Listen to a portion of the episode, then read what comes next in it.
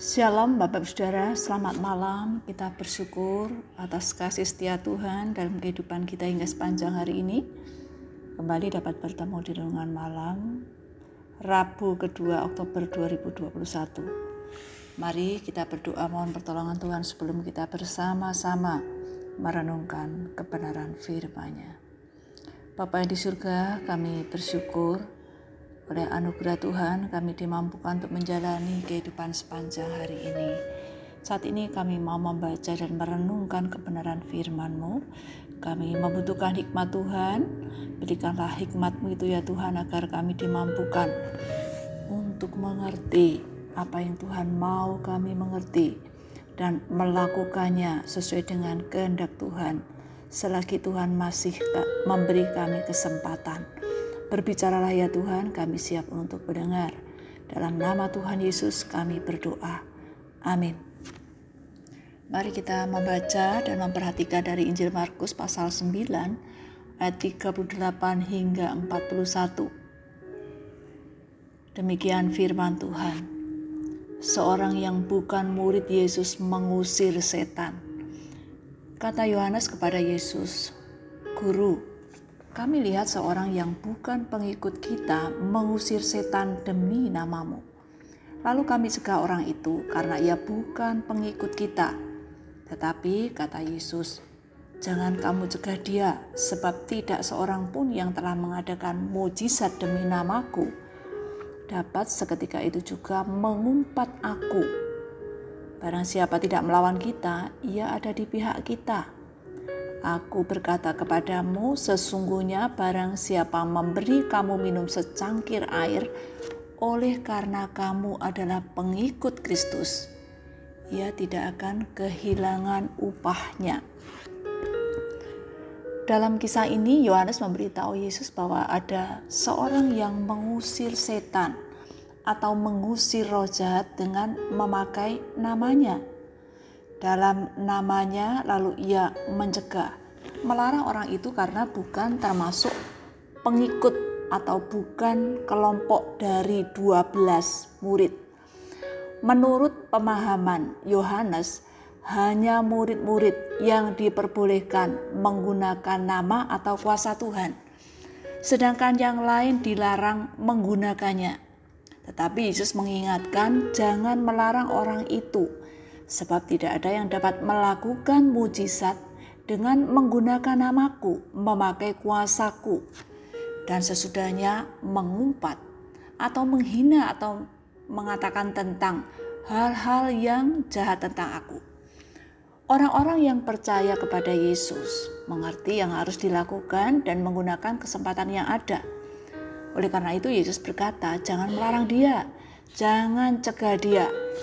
Ketahuilah Ingatlah orang yang menerima ajaran yang Tuhan Yesus telah ajarkan. Orang tersebut adalah rekan kita, berada di pihak kita, bersama-sama melaksanakan pekerjaan Allah. Yesus memberikan contoh sederhana dengan mengatakan barang siapa memberi kamu minum secangkir air oleh karena kamu adalah pengikut Kristus, ia tidak akan kehilangan upahnya.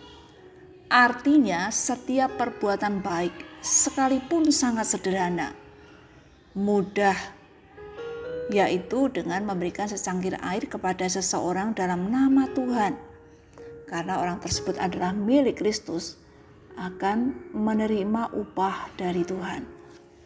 Sesuatu yang diberikan untuk menolong orang yang membutuhkan dan tidak mengharapkan balasan atau imbalan sesungguhnya ia tidak akan kehilangan upahnya, akan menerima upah dari Tuhan. Sekecil apa pun yang kita berikan, lakukan pada sesama, itu berharga di hadapan Allah, diperhitungkan oleh Allah.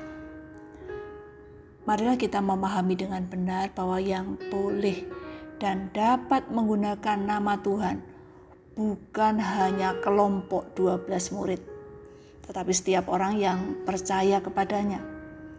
Orang yang dipakai Tuhan bukan hanya 12 murid, tetapi setiap orang yang mau dipakai Tuhan. Setiap orang yang percaya kepada Tuhan Yesus. Kuasa Tuhan bukan hanya dinyatakan pada 12 murid, Kuasa Tuhan dinyatakan kepada mereka yang mengandalkan Tuhan. Tuhan bisa memakai siapa pun sesuai dengan yang Tuhan mau pakai. Oleh karena itu, marilah kita renungkan. Sesungguhnya, siapakah kita di hadapan Tuhan? Jika Tuhan mau memakai kita, marilah kita bersama-sama menggunakan kesempatan melakukan yang dapat kita lakukan sesuai dengan firman Tuhan. Kita berdoa. Bapa kami yang di surga, kami bersyukur diingatkan firman-Mu sebagai orang-orang percaya untuk melakukan sesuai dengan yang dapat kami lakukan. Diingatkan bahwa sekecil apa pun yang kami lakukan untuk Tuhan itu menyenangkan Tuhan. Mampukanlah kami dapat menggunakan kesempatan dengan benar.